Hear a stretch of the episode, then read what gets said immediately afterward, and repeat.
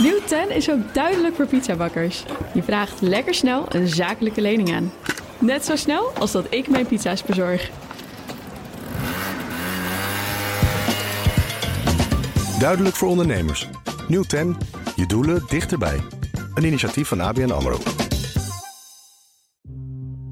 Het heeft natuurlijk enorme investeringen nodig. eh, Als je eh, binnen zo'n relatief korte tijd zoveel winkels opent op A-locaties, dan heb je nou ja, dure huurpenningen, je hebt personeel nodig, je hebt eh, eh, gigantische voorraden nodig. En die cash was er eigenlijk niet of onvoldoende. Het is allemaal vreemd gefinancierd door ABN AMRO Bank. En op een gegeven moment kwam die daar tegen het financieringsplafond aan. Er was gewoon niet meer. Niet elk ondernemersavontuur eindigt met een notering in de quote 500. Niet elk bedrijf overleeft een flinke crisis. Niet elke onderneming weet het financiële spel goed te spelen. En als alles misgaat, als de chaos regeert en schuldeisers aan de poort rammelen, dan breekt het tijdperk van de curator aan. In deze serie praten mijn collega Elisa Hermanides en ik, Thomas van Zel, over onvergetelijke faillissementen met de puinruimers van het bedrijfsleven. Dit is Onder Curatoren.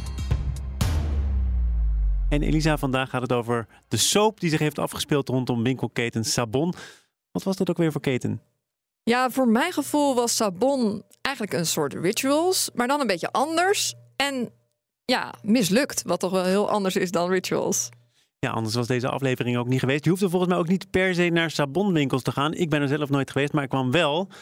Als we het toch over ondercuratoren hebben, is bij de VND. Daar zaten ze volgens mij ook in, toch? Ja, want dat waren die zogenaamde shop-in-shops. En eh, nou, dan kon je in de VND dus je luxe zeepjes en huidverzorgingsproducten kopen. Want ja, dat was wat je daar kon krijgen. Maar ja, VND ging natuurlijk ook failliet. Daar hebben we eerder een aflevering over gemaakt. Luister die vooral terug. Eh, maar nu gaat het dus over Sabon. En ehm, ja, de vraag is eigenlijk van waarom heeft Sabon niet zo'n mooi succes eh ervan kunnen maken, zoals bij Rituals wel gebeurd is? En ehm, nou ja, ik denk eigenlijk, ik heb het natuurlijk ook wel een beetje gevolgd.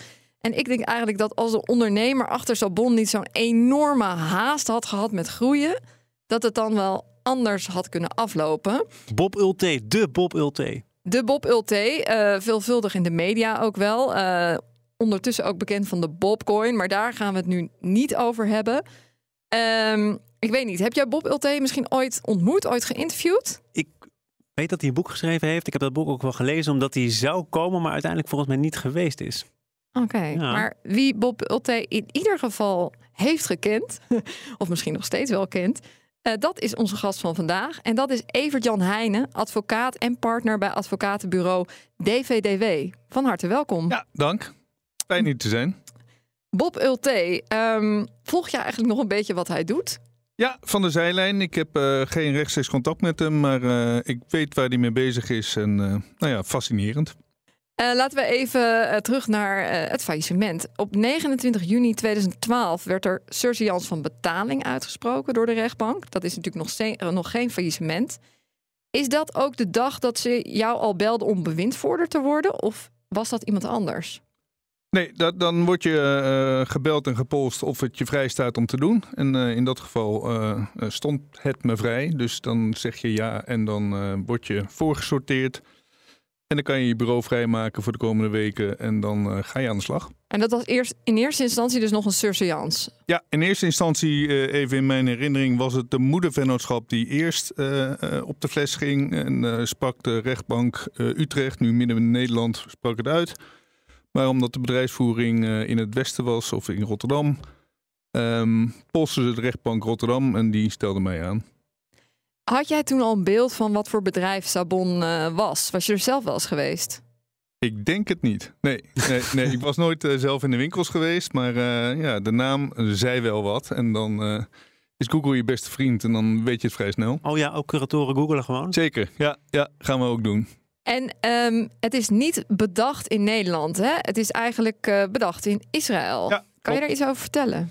Ja, eh, de, de bedenker eh, is gevestigd en woonachtig in Israël. Die geeft een licentie om sabonproducten te kunnen verkopen in bepaalde landen. En nou ja, Bob had via die Israëliet een licentie voor Benelux. En zo kom je in Israël terecht. Uh, die uh, was ook nodig in, in ja, de onderhandelingen met de doorstart. Komen we zo misschien nog even op. Maar uh, de, de, de Sabonman zat in Israël en die nou ja, heeft het voor het zeggen qua licentie. En zo'n licentie, wat stelt het dan voor? Want produceert hij ook die spullen of is het echt puur alleen het merk uh, en de naam en de ingrediënten? Ja, ook de productie kwam vanuit uh, Israël en uh, zo'n licentie is eigenlijk het recht om in een bepaald gebied die sabonproducten te verkopen. Had, had Populté niet ook uiteindelijk de moederketen overgenomen? Ik kwam ergens een uitspraak van hem tegen die misschien wel typerend is, zoals de Mozes niet naar de berg komt, dan komt de berg wel naar Mozes. Met andere woorden, dan koop ik het zelf wel. Uh, ja, dat, dat uh, uh, heeft hij later voor mij gedaan. Niet, op dat moment nog niet. Op dat moment was de man uit Israël nodig om nou ja, de licentie te verstrekken. Um, hoe groot was het in de Benelux? Uh, even, even, kijken, groot in termen van omzet. Uh, in mijn herinnering was het in Nederland ongeveer uh, eh, 10 miljoen, denk ik, eh, omzet. En, medewerkers? Ja, medewerkers rond 300, geloof ik, iets minder.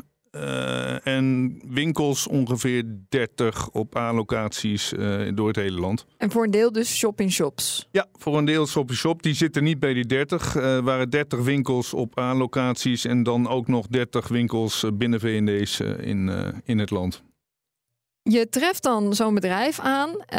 hoe ging dat? Kwam je meteen in gesprek met Bob Ulte of was je op het hoofdkantoor? Wat gebeurde er in eerste instantie? Ja, in eerste instantie was een surseance van betaling. En dan, dan ben je eigenlijk tot elkaar min of meer veroordeeld. Dan ga je samen uh, kijken of je het vlot kunt trekken. En het vlot trekken bestond eigenlijk met name uit uh, kijken of uh, één bepaalde schakel die wegviel. Dat was de aankoop van iCenters in België. Waarmee hij de operatie verder qua liquiditeiten wilde voorzien en wilde vlot trekken. Of dat alsnog in surseance vlot getrokken kon worden. Uh, en dan zat je natuurlijk nog met het feit dat je ja, die 30 winkels en 30 shops en shops moest door exploiteren en kijken of je in surseance daar uh, nou ja, toch een positieve cashflow zou kunnen genereren, wat een enorme uitdaging was. Maar wacht even, hè? dat iCenter, dat is heel interessant. Want iCenter, dat zijn spullen van Apple die er verkocht worden. Ja, het had in wezen niks met zeepjes te maken. Helemaal niks. Dus nee. hoe kwam Bob Ulte op het idee om überhaupt iCenter toe te voegen aan ja, zijn onderneming? Ja, dat was uh, uh, denk ik een idee om de uh, cash-eating activities die Sabon toch had te kunnen financieren en te kunnen voorzien van de broodnodige gelden die erbij moesten. Want Sabon was zeker tot dat moment elk jaar verlieslatend uh, en uh, nou, kon de eigen broek niet ophouden. Heeft het ooit uh, winst gemaakt onder nee, Bob Ulte? Nee, het heeft geen winst gemaakt. Het heeft, nou ja, het heeft natuurlijk enorme investeringen nodig. als je binnen zo'n relatief korte tijd zoveel winkels opent op A-locaties, dan heb je nou ja, dure huurpenningen, je hebt personeel nodig, je hebt gigantische voorraden nodig. En die cash was er eigenlijk niet of onvoldoende. Het is allemaal vreemd gefinancierd door ABN AMRO Bank. En op een gegeven moment kwam die daar tegen het financieringsplafond aan. Er was gewoon niet meer. Hoe ver was hij met iCenter? Ja, ik heb me daar nooit uh, uh, uh, tot in detail in verdiept of kunnen verdiepen. als je in surseance zoiets vlot wil trekken, moet het heel snel. en dat was gewoon niet mogelijk. Dan moest geprocedeerd worden. En die tijd hadden we niet. Maar ik vraag het omdat jij in het faillissementsverslag schrijft dat hij ervan uitgaande dat het rond zou komen, al wel toezeggingen had gedaan aan schuldeisers. Ja, en dat ja. doe je natuurlijk wel waarschijnlijk in de overtuiging dat het je gaat lukken om iCenter over te nemen. En die overtuiging had hij ook. En uh, nou ja, de vraag is dan, mocht hij die overtuiging hebben, uh, Misschien wel. Maar dat lijkt me iets wat een curator wel zou moeten of kunnen ja, uitzoeken. Dat, dat onderzoek je wel. En uh, kijk, Pop Ulte is natuurlijk ook een, een ondernemer puur sang die uh, uh, ook nou ja, aan, aan scherp aan de wind waait en, en vaart en daar risico's neemt. En dat risico voltrok zich door toedoen van een ander. en die ander, althans volgens de versie van Bob Uh, ging dat niet was de SNS, SNS, toch? SNS zou het SNS financieren. Ja, eh, heeft een, eigenlijk een transactie, een betalingstransactie, geen doorgang laten vinden. Eh, en eh, ja, de vraag was of SNS terecht daar die eh, eh, betalingstransactie niet uitvoerde. En eh, ja, kreeg- voor mij was dat historie op enig moment, want eh, eh, nee werd nee en procederen had ik geen tijd voor. Dus eh, Nee, dan moet je, je moet dan ook op een gegeven moment verder met gewoon de winkel runnen. Ja, je moet kijken of je eh, daar eh, een, een, een doorstart van de activiteiten kunt realiseren, eh, al dan niet in faillissement. Op enig moment toen deze transactie niet vlot getrokken eh, kon worden, was wel duidelijk dat het naar een faillissement ging. Er was gewoon een negatief huishoudboekje, te weinig geld. er kwam minder binnen dan werd uitgegeven. Dan moet je volgens de wet in faillissement. Dus dat ging twee weken na de surseance, eh, kwam het faillissement. Ehm, ja, en, en daar eh, eh, moet je kijken of daar een deel van de activiteiten wel of niet door kunnen. Hoe groot waren die schulden in totaal ongeveer? Hè? Ehm, volgens mij is er een schuldenlast ongeveer van 10 miljoen. dat is nogal wat. Dat, Dat, was, is nogal wat. ja. Ja. Ehm, bij zo'n faillissement dan heb je te maken met schuldeisers die aan de poort rammelen, maar ook natuurlijk met eh, de personeelsleden eh, die ook in onzekerheid zitten. Waar ging jij het eerste mee aan de slag? In de bank genomen, door de bank genomen met het personeel. Je hebt natuurlijk ook wel schuldeisers die wel eh, heel eh, eh, spoedeisend zijn. dwangcrediteuren waarmee je moet praten en waarmee je oplossingen moet bereiken. Maar het belangrijkste is in zo'n situatie dat er zoveel mogelijk personeelsleden hun baan zouden kunnen behouden. doordat een doorstartende partij die overneemt. En dan zit je met het gegeven dat doorstartende partijen niet alle activiteiten wilden overnemen. omdat er te veel winkels waren eh, om eh, de vraag eh, en aanbod te kunnen bedienen. Dat, dat was van meet af aan al duidelijk dat als er een doorstart zou komen, dat dat niet in volle omvang zou zijn, maar in afgeslankte vorm. Ja, dat was, eh, dat was helder. Dat was ook een eh, van de belangrijkste oorzaken waarom Sabon het niet redde. Ze hadden in te korte tijd te veel, eh, te veel winkels. Dat, Want er zaten ook bijvoorbeeld te veel winkels op een eh, kleine plek, zeg maar, bijvoorbeeld in Rotterdam. Ja, in Rotterdam had je bijvoorbeeld vier winkels. En eh, ja, daar, daar was onvoldoende vraag om vier winkels eh, volledig eh, te kunnen exploiteren. En ehm, zo'n doorstart, is, was jou meteen wel duidelijk van er zijn gegadigden? Waren er veel gegadigden of weinig? Niet veel. Eh, ehm, ik denk dat de gegadigde die uiteindelijk de doorstart gerealiseerd heeft, mij benaderd heeft. Eh, in, eh, eh, in de surseance tijd, dan bereid je dingen voor. Ehm, en ik geloof niet dat er... Er waren wel meerdere gegadigden, maar in ieder geval op één hand te tellen en niet twee. En ehm, hoe ga je dan om met die gegadigden? Hoe zorg je dat je zeker weet dat het, ja, dat het echt wat is? Dat zij wel het bedrijf verder kunnen brengen? Ja, je kijkt dan naar eh, fi- financiële gegoedheid, eh, wat het bod is, eh, hoeveel ze op de activa bieden, hoeveel werknemers ze willen overnemen. En je kijkt een beetje naar die mix. Primair kijk je als curator hoeveel brengt het op. Maar in dit geval is het natuurlijk ook belangrijk hoeveel mensen kunnen hun baan behouden. En nou, dat zet je tegen elkaar af. Wat zijn de gegadigden bereid om te doen? Wat kunnen ze doen? En ja, uiteindelijk is het deze gegadigde geworden. En het waren drie ondernemers, toch? Hans-Paul Veldhuizen van Zanten, Edward de Jager en eh, nog een partij. Ja, ja dat klopt. Eh, en eh één jongen zat, ik ben even zijn naam kwijt, maar die zat in de grevenschoenen.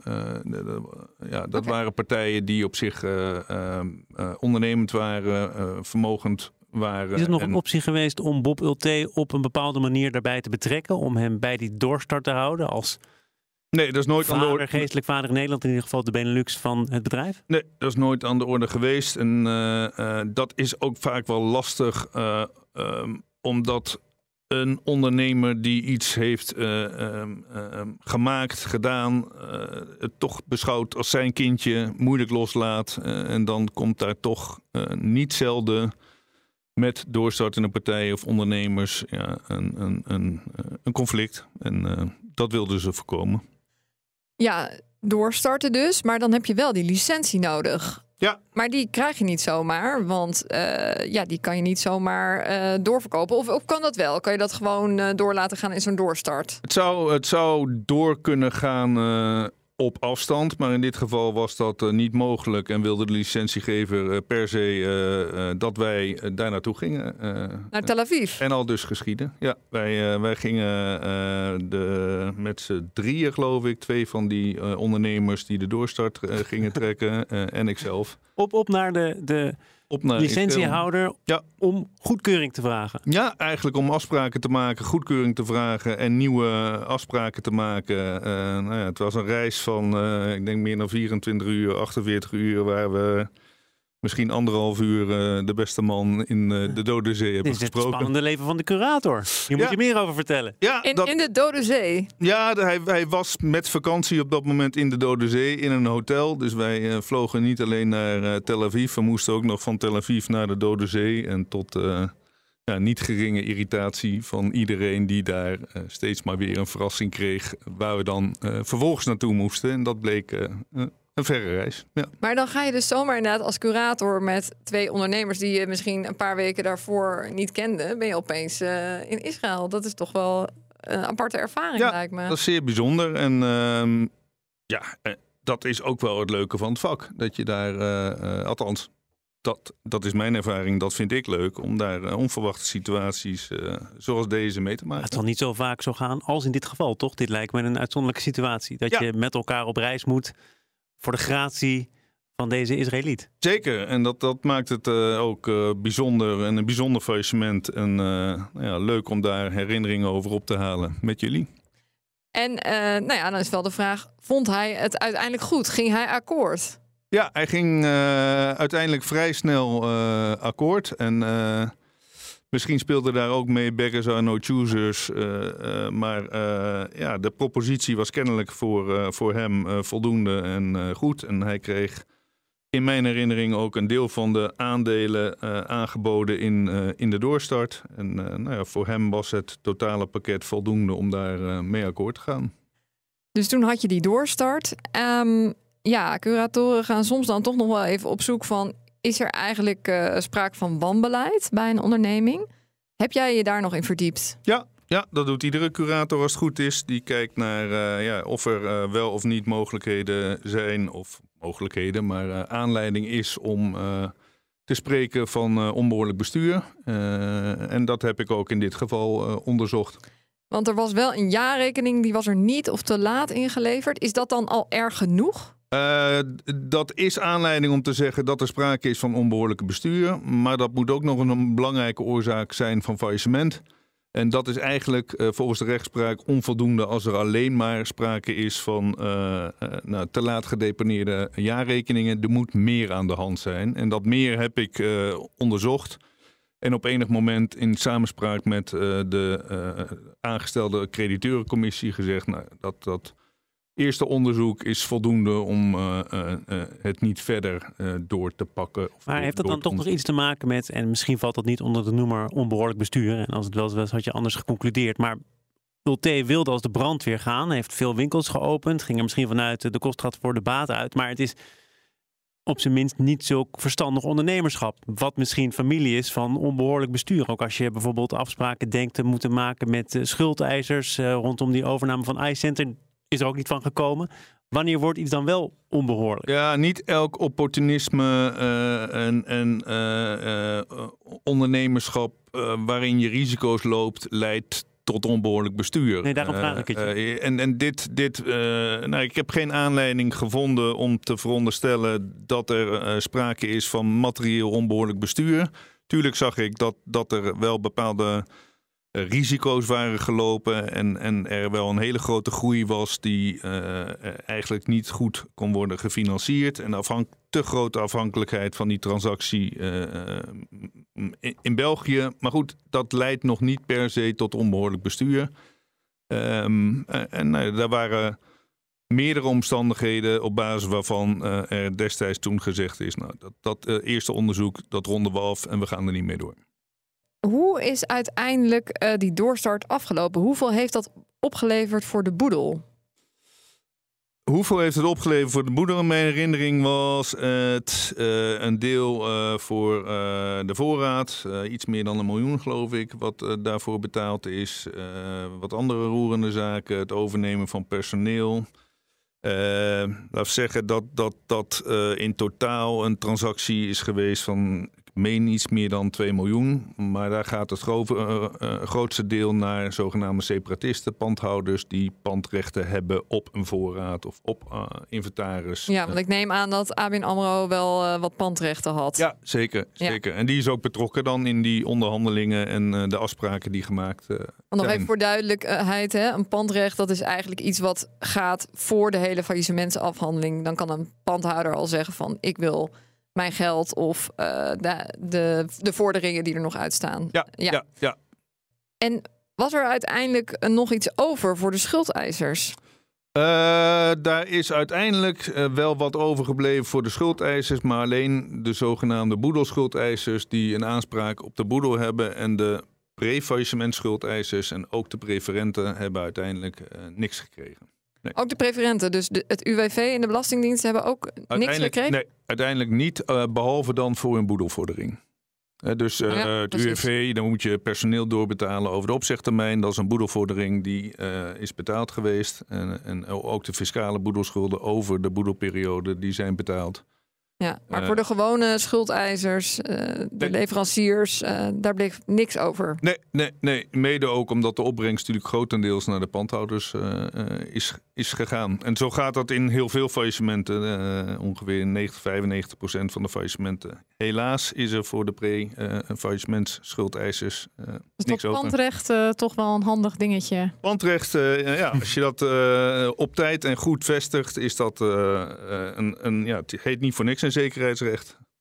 Heb je toen nog gevolgd hoe het Sabon is vergaan? Ja, ja. Uh, deels ook wel een beetje bij betrokken geweest. Uh, uh, ja, niet, niet heel florisant. Het, de zogenaamde buiklanding na de doorstart was helaas hier aan de hand. En um, voel jij dan zelf daar nog een bepaalde verantwoordelijkheid voor? Of denk je, nee, ja, nee. Dit, dit was de beste optie op dat moment. En het is jammer, maar helaas. Het was de beste optie op dat moment. Uh, ik had ook niet heel veel uh, keus. Ik voel me daar uh, niet verantwoordelijkheid in de zin van ja, die ondernemers hebben zelf daar ondernemerskeuzes gemaakt. ja, daar ben ik niet verantwoordelijk voor. die keuzes kan ik ook niet maken en alleen zij. en natuurlijk is het heel jammer dat dat gebeurt. Maar nog, nog heel even naar waar je wel verantwoordelijk voor was, namelijk toch kijken wat er voor wie nog over was. Ja. Um, ik kwam in het verslag, het faillissementsverslag, een, een Nissan bestelbusje tegen. Nou, dat is prima. Dat uh, nemen we ter kennisgeving aan. Ja. En nog een exclusieve Ferrari. Ja. Rijkaartje van? Poeh. Uh, anderhalve ton ongeveer? Ja, ik geloof dat hij uiteindelijk anderhalve ton 140 of zo heeft opgewogen. Ja, nou ja, uiteindelijk, want je moest er wel naar op zoek, geloof ik. Ja, hij was even uh, uh, onder de radar, niet te vinden. En, Deze Ferrari was van Bob Ulte? Hij was in financial lease van een leasemaatschappij, ik geloof Antera. En um, Bob Ulte maakte daar gebruik van, van die Ferrari? Ja, ik geloof dat hij erin reed, ja. ja. Oké. Okay. Nog gevonden, die Ferrari? Gevonden, ja hoor, vrij snel. Ja, Oké. Ja, ja. En um, toch nog wat voor gekregen? Toch nog wat voor gekregen. Ja, die is uh, uiteindelijk verkocht. En er waren ook nog uh, wat andere uh, luxe auto's. die en een zijn... Nissan busje van 800 euro. En een, en een Nissan busje, ja, ja, ja. Die hebben we ook verkocht. ja. Gelukkig maar. Dank. Evert Jan Heijnen, advocaat en partner bij DVDW. Graag gedaan. Dit was Onder Curatoren.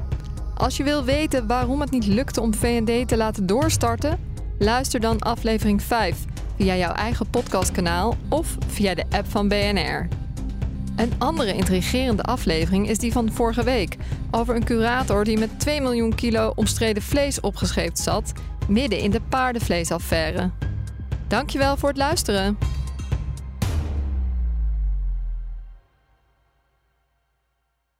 Nieuw 10 is ook duidelijk voor pizzabakkers. Je vraagt lekker snel een zakelijke lening aan. Net zo snel als dat ik mijn pizza's bezorg. Duidelijk voor ondernemers.